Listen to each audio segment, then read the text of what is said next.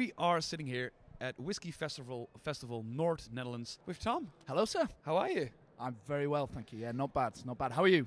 I'm doing fine. We're we are surrounded by whiskey, so it's always a good start. But Absolutely. tell me, like I, I I've had the opportunity to meet you, but for the people at home who don't know you, who are you and where do you actually work? Because that's a quite interesting story, right? Well, I hope so. Uh, that depends on your own judgment. But yeah, no. I, well, my name's Tom Roskams. Uh, I work for Claxton's. Uh, we're an independent bottler based in the Lowlands, Okay. uh, just north of Dumfries, where we have all our maturation warehouses and all of our uh, bottling work goes on. And yeah, we are essentially a producer of quite a wide range of different ranges. We have a few examples up front here. And, you know, for us, I guess, you know, we come from a background of uh, whiskey enthusiasm, passionate about whiskey, always have been. Uh, our families have always been whiskey collectors, cask collectors. Okay. And, you know, Claxton's ultimately emerged from that passion to, to collect whiskey. And how long have you been working with this passion? Well, you know, dedication to whiskey is a lifelong, a Okay, lifelong okay, yeah. thing, I guess. But uh, no, as a business, eventually we decided once we'd collected enough whiskey that uh, you know we should take the steps forward to to set up as an independent bottler. For me, that journey started slightly more recently, but originally Claxton's was founded about ten years ago. Okay. And we've bottling. We've been bottling for about seven years now, six or seven Oh, years. seven years. We're going to talk about the like all the different ranges and all the different flavors. But I don't like talking about whiskey without anything to drink. Sounds good to me.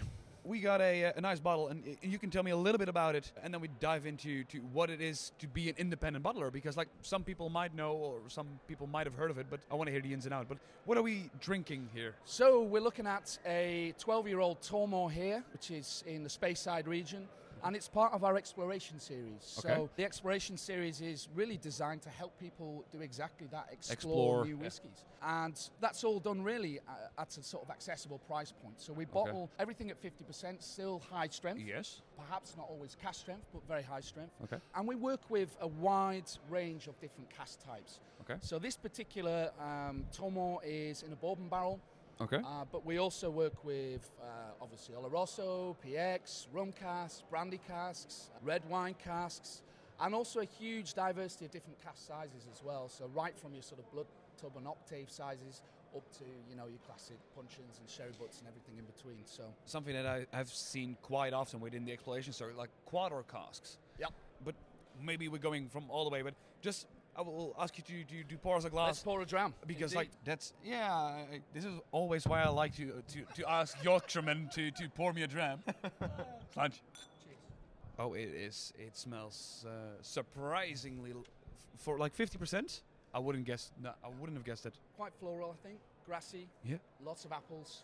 but it's from the tormore distillery. Exactly. i never heard about this distillery. Is it something that you do often? Putting like maybe lesser known distilleries or, or distilleries that often get lost in, in, in blends. Do you also bottle those? Or are you going for the big names It, it's an absolute mix, and our our, our goal Perfect. is to to bottle the widest diversity that we can, and Okay. and particularly the exploration series. It, it's it's an opportunity for people, including ourselves, to try whiskey from different distilleries with interesting profiles that they may not have tried before. So Okay. you know, of course, we bottle um, uh, your sort of well-known distilleries and really strong brands out in the industry, but you know, lesser-known uh, distilleries as well and brands as well. So.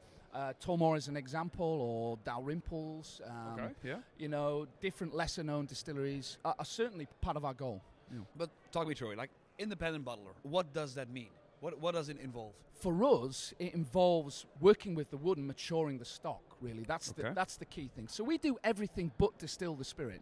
Okay. And for us, the maturation program is, is the kind of key focus on what we do. So we buy in everything from new make Okay. up to really high age, old vintage uh, casks. Casks, okay. And for us, it's about selecting the, the best examples of each individual spirit type, distillery, but also cask type and profile, and Okay. selecting the best example that we can. But what I'm wondering, like, for example, like, let's say that I had a distillery and I will be producing like 500 casks a year, and there will be one cask where I'm like, oh, this is so incredible. It's such a good example of what I'm trying to put out. Why would I sell it to you? Well, if you've created that yourself, they'll probably bottle that themselves. Yeah, exactly. But, but I think, as I say, that look, every distillery is obviously producing their own product. But there's always excess production, and there always has been in the industry, and all the distilleries trade with each other. And, and Definitely, yeah. you know, we're part of the process of trading casks and working with casks, and we take those casks on really to mature them in our own warehouses and take them in the direction that we want to take that spirit in. Okay, so it's it's it's you actually put hands on and you actually work with the the spirit. So it's not only uh, not buying only a cask and just putting in a bottle and Absolutely not. Okay. Absolutely not. And how do you not. make these decisions? Because like I can imagine, like it's you can say it's gut feeling. Well, wouldn't, is is wouldn't it, be uh, wouldn't it be brilliant if there was a sort of mathematical uh, Yeah. logarithm to these things? But no, such a thing doesn't exist. It, it's a it's a team consensus. Everyone contributes in our team. The warehouse manager Martin Burnett, my partner Adrian Hoos, all of the warehousing staff, the bottling team. They all contribute to the selection process essentially to add their little bit of expertise and philosophy and their own ideas and input to make sure that we get you know a supportive consensus on. on so these things. before this this actually the liquid hits the bottle how many like how many people have been given notes or have been giving their advice like how many people are hands on working with this I, I would say the vast majority of our team. We're, we're not a big team. Don't Okay, get me okay, wrong. okay, we're, we're you know, I, I don't know. We're, we're, we're sort of 12, between 12 and 15 people. So uh, we're quite a small team still, but we, we all get involved. You know, and the guys who are working with the cast on a daily basis are the ones who really kind of keep an eye on the stock and make sure that, you know, they get the fantastic job, more than I do, of, of sampling qu- quality checking, you know, quali- quality control is an essential part of the process, and what's not to love, you know, on, on, on quality control, and it's it's uh, it's absolutely essential. Yeah. to be honest like this is something you, you you might gonna bust but i've heard rumors about your warehouse about like on the roofs no just kidding. yeah. Snipers, snipers uh, and gun turrets and all- 360 degree surveillance. Yeah. yeah, yeah. for, for the people at home, we, Yeah. we, we had a we had a quick laugh about this yesterday. But like, you guys have like, how many casks currently do you, you roughly have in Yeah, stock? of course. The number is always changing, going up and down. It's a guess. I mean, it depends on the cask sizes as well. But I, I would estimate we have somewhere around 2,000 casks, Oh, wow. some, something of that sort of magnitude. And, and and to be honest, like we, we have a few different bottles in front of us because like Yeah. I want to quickly talk to him. Like we talked about the exploration series. Yep. Focus on, on, on exploring new whiskies. Yep. What I was wondering, you said like you bottle at fifty percent, but w- w- what if we um, like angel share uh, decrease in alcohol volume? What happen when it gets below the fifty percent? Do you also bottle it at, at exploration series, or is it then immediately? These are a few examples of, of Yeah. the brands that we work with. So we have other Claxton's brands in our range. If we're bottling at pure cask strength, typically an older age statement, Uh-huh. but not always, we often end up bottling in the in the warehouse number one series. Okay. So these are our decanter range, um, kind of our flagship range, really. It's a beautiful bottle. um, thank you. It's such yeah. a, it's such, a, but to be honest, like putting this on a shelf, it's just magnificent to, to look at. It's beautiful. That's appreciated. I- We think they stand out. Yeah, you know, they're quite a definitely, statement piece. They're not uh, perhaps in keeping with the sort of more traditional bottle style, but we've never been ones to sort of conform to uh, exactly how things were done necessarily. So we like to be a little bit different and perhaps make a bit of a statement, but uh, also we stand out and it's a talking point, and that's you know that's a good thing. But most importantly, uh, you know, is, is obviously the liquid in the bottle. Yeah. And with the warehouse number one and number number eight range, which are both in this style, they're sort of the flagship range at cask strength. No chill filtering, no colorants. It, it effectively goes straight from the cask into the bottle, exactly as it was uh, Yeah, in, like, in the warehouse. We got a uh, example like right here. It, it's from the Tobermory distillery, 26 year old Yeah. uh, sherry butt. Yeah. It's uh, to be honest, I, I was I, I tried it yesterday. I was extremely surprised, but still, like y- you said, like the, the exploration series, it's more about discovering and more being affordable. Yeah. This is more something you give uh, your parents at Christmas. Yeah. Well, perhaps maybe maybe more more more sort of gifts and things like that. But you know, also it, it really depends on you know your affordability, and for us, it's about providing uh, access to as many people as possible. Okay. With you know, depending on how deep your pockets are. Um, Sure. You know, we want to make sure that everybody can try something from Claxton's, and Okay. you know that involves having a, a wide range of prices. I guess you know it's as simple as that. Definitely. And and you, you, what is and now we're getting more a little bit personal because I want to hear it from like you. Like, Mm. what do you think that are like more the pros and cons of being an independent bottler compared to producing itself because like yes you'll have your opportunities to to work around with it and, and, and play with it but you still need to work with the spirit you actually Yeah. have been given Well, there's certainly pros and cons, no doubt about it. Let's start with the cons, I guess. I mean, one of the big cons is, you know, we're not producing our own spirit, so that leads to challenges. definitely You know, there's always an advantage, I guess, on some level to being able to distill and produce something that is of a particular profile, but ultimately turn the taps on and, and, and fill your casks. yeah definitely But that said, we are buying in new make spirit that we mature. So uh, as long as we manage that process and manage our supply correctly, then then you know that's okay. The pros, Yeah. the big pro, the big pro the big pro is the diversity. I mean, we, we if you're a whiskey fan and a whiskey enthusiast like we all are, we get to work with everything right across the board. I think the distilleries do a fantastic job, but they're perhaps more restricted to a few different profiles based on their uh, distillation setup and capabilities. So, you know, they're limited to maybe a smaller number of, of uh, uh, distillery releases. Yeah. And that's fine. They're, they're often spectacular. yeah Um, but there's limitations to that. okay Whereas for us, The you sky's the limit, Yeah, basically. the sky's the limit. The sky's the limit. So, and that's what's exciting. If you're into whiskey as a whole, it's an opportunity to, to work with all the spirits, all the regions, all the cask types. You know, and, And- keeps it fun. and, and region like you guys are situated in the lowlands That's right. Yeah. we've been talking about maturation and maturation is a big deal for you guys Yes. is maturing a whiskey in the lowlands does it affect compared to for example say like if you would buy a warehouse on an island or on more in, in on top of a mountain or whatever That's a huge question, and we could probably do a, a, several hours Okay. just discussing that point. I mean, look, we're, we're in a stunning location on the Dalswinton Estate in, in the lowlands. Uh, we're on the banks of the River Nith, near to the Solway, so we're not too far from the coast. You know, it, it's an amazing environment, and you know, super clean and in a, in a really nice space. There's no doubt it's a wonderful place to mature whiskey. definitely, definitely. Exactly how that influences profile, well, there's huge debate on that. Everybody knows that,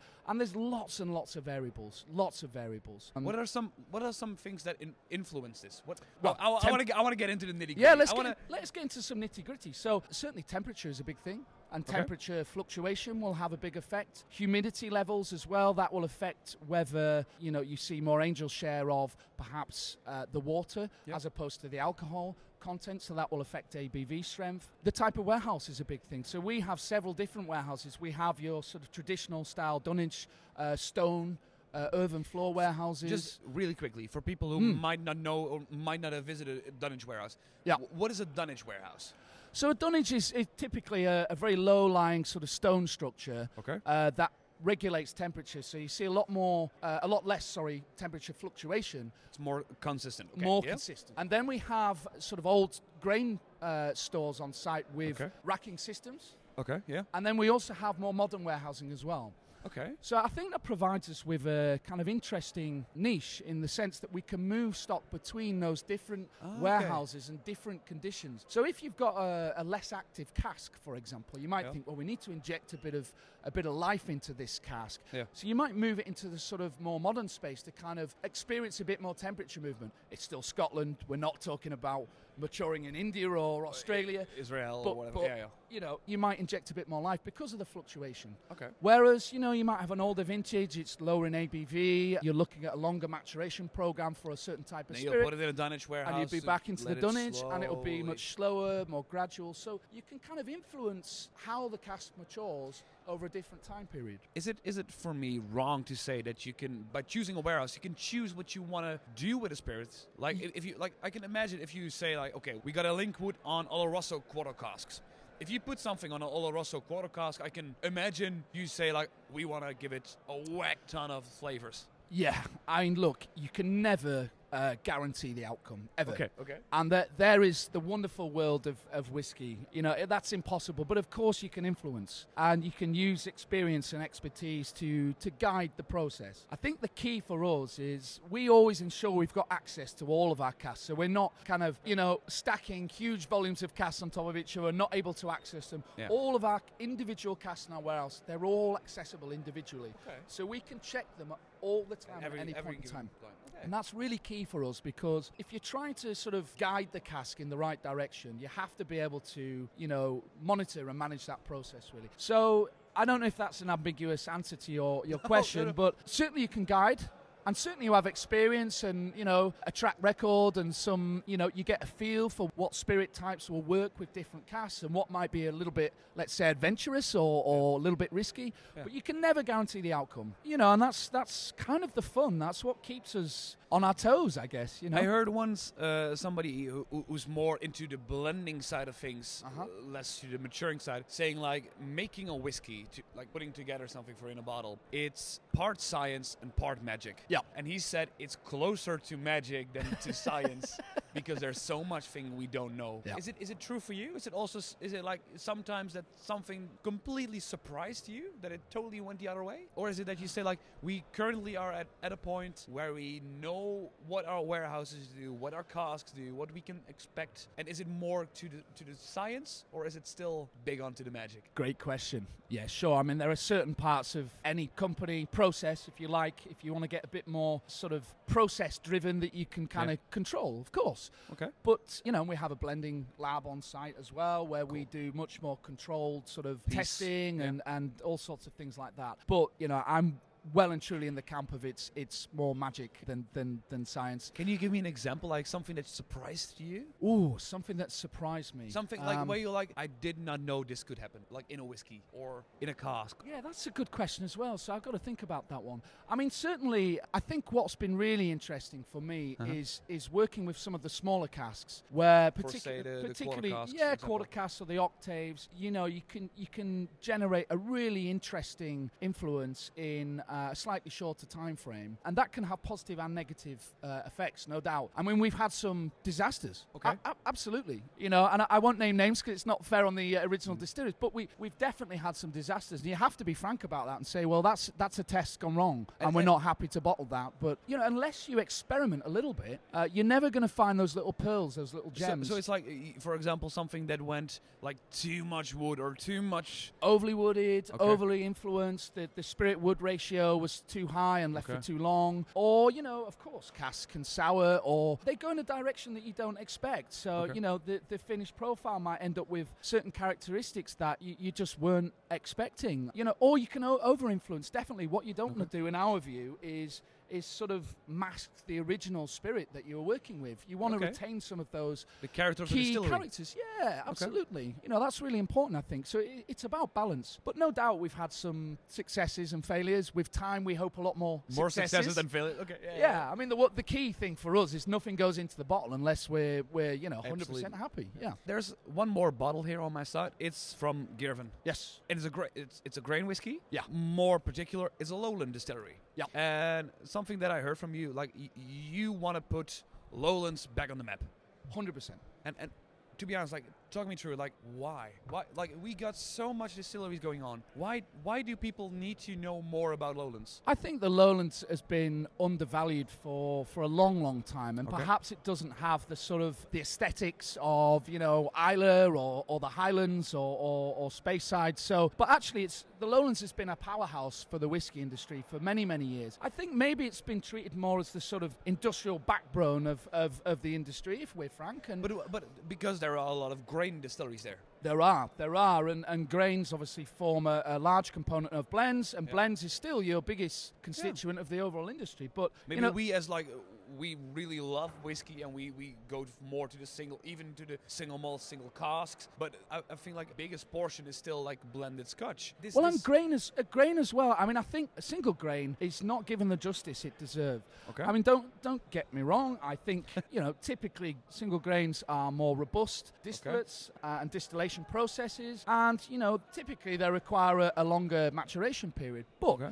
You can still have fantastic single cask grain bottlings. I mean, we've bottled uh, a Girvan you've mentioned there. Yeah. We've bottled Cambus, Strathclyde, Cameron Bridge, and many, many more. So and you how know. are you guys like putting lowlands back on the map Well, for starters, it's it's where we're based and it's where we put all of our time and energy into. So that that's a fundamental part of it. But I think also we want to create a bit of a, a lowland trail. Really, obviously there are plenty of distilleries setting up as well, independent bottlers like our, ourselves, and lots of guys who are starting to focus on the lowlands. As a region, I think. You know, there'll be a lot more events that we're trying to plan in the near future, which Okay.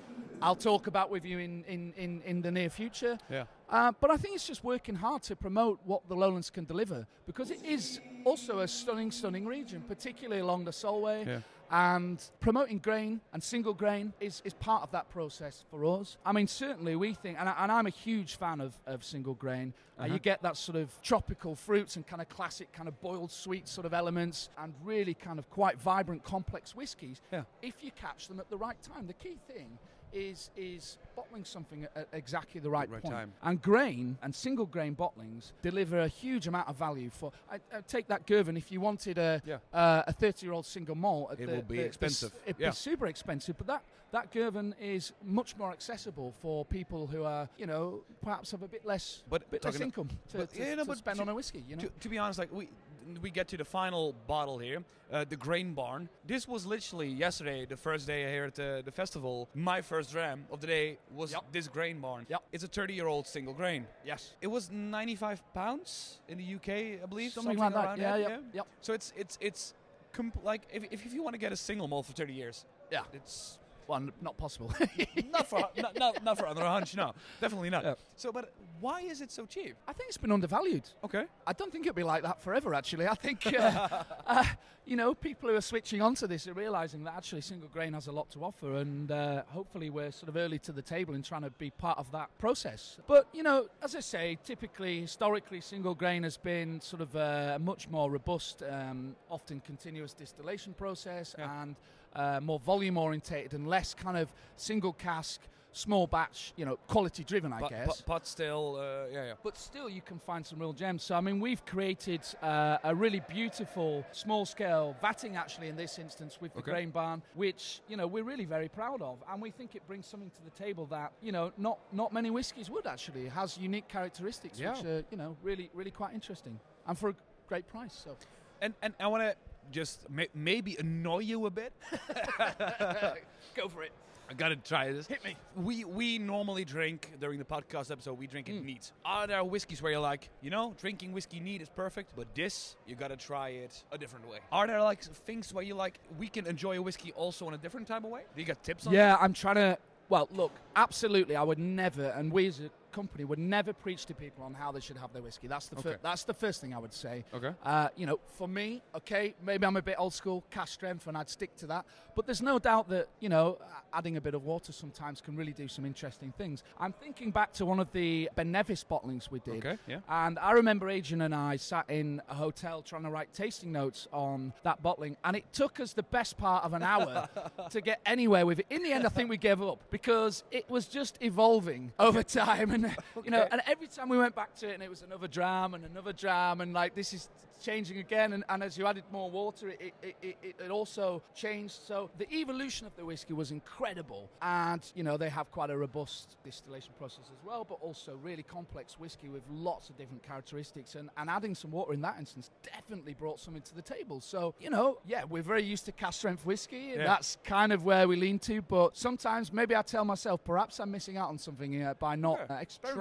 trying with each dram. Yeah, you know. I see that the doors are slowly getting to open and people are slowly Mm. getting in. So I, I need to get really quickly to the essence. Like I want to want to know from you if, if, if anything was possible. Literally anything. You can say anything. What would you like to put out with Claxtons? Or what would you like to try? Maybe not uh, like for you said like an experiment. It can succeed and can fail. Do you know what? I'm going to get a bit sentimental here, but Okay. um, Go for it. I think what I'm looking for. There are many, many things that I'm looking forward to. Many, and we, you know, lots of things I could talk about. But for me, uh, whiskey is quite a sort of emotional topic in a way. We we connect with it in different ways, and everyone has their sort of story and their memories of, of whiskey and when they were drinking whiskey with pals or yeah, family. Definitely, definitely. And I've got a couple of personal casks that are, that are in the warehouse. It's uh, a Longmorn and a Ben Riach, and they're of the vintage of my, my two kids. Oh, okay. And and I guess you know what I'm looking forward to is when they're 18, bottling them, putting them in the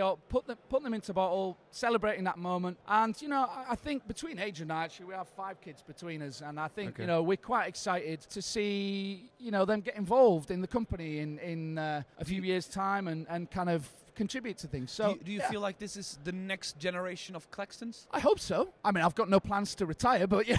no, no, no, def- no, no, But is it, What- is, yeah. it, is, it, is it something that you actually grow on? That you want to like teach your kids? Yeah. Give them guidance and then let them continue with all the the, the uh, six thousand warehouses you're building. Yeah, but I, I, look, absolutely, we want to create a bit of a legacy, I guess. But also, I mean, for us, it's it's not just about passing that on. It's about us also being part of that process, restoring the bond uh, in the lowlands, and continuing to learn ourselves. Actually, Okay. you know, we we don't put ourselves on pedestals. We don't treat ourselves as industry gurus or anything like that. We're, or certainly from my point of view, you know, we're, we're whiskey enthusiasts like everybody at the festival. And, you know, we just have a special opportunity with Claxton's and Dalswinton Bond to continue learning really ourselves, continue exploring good whiskey, enjoying good whiskey with friends. And, you know, that to us is, is gold dust. You can't, Yeah. you can't buy that, you know? I think that that is a beautiful way to end.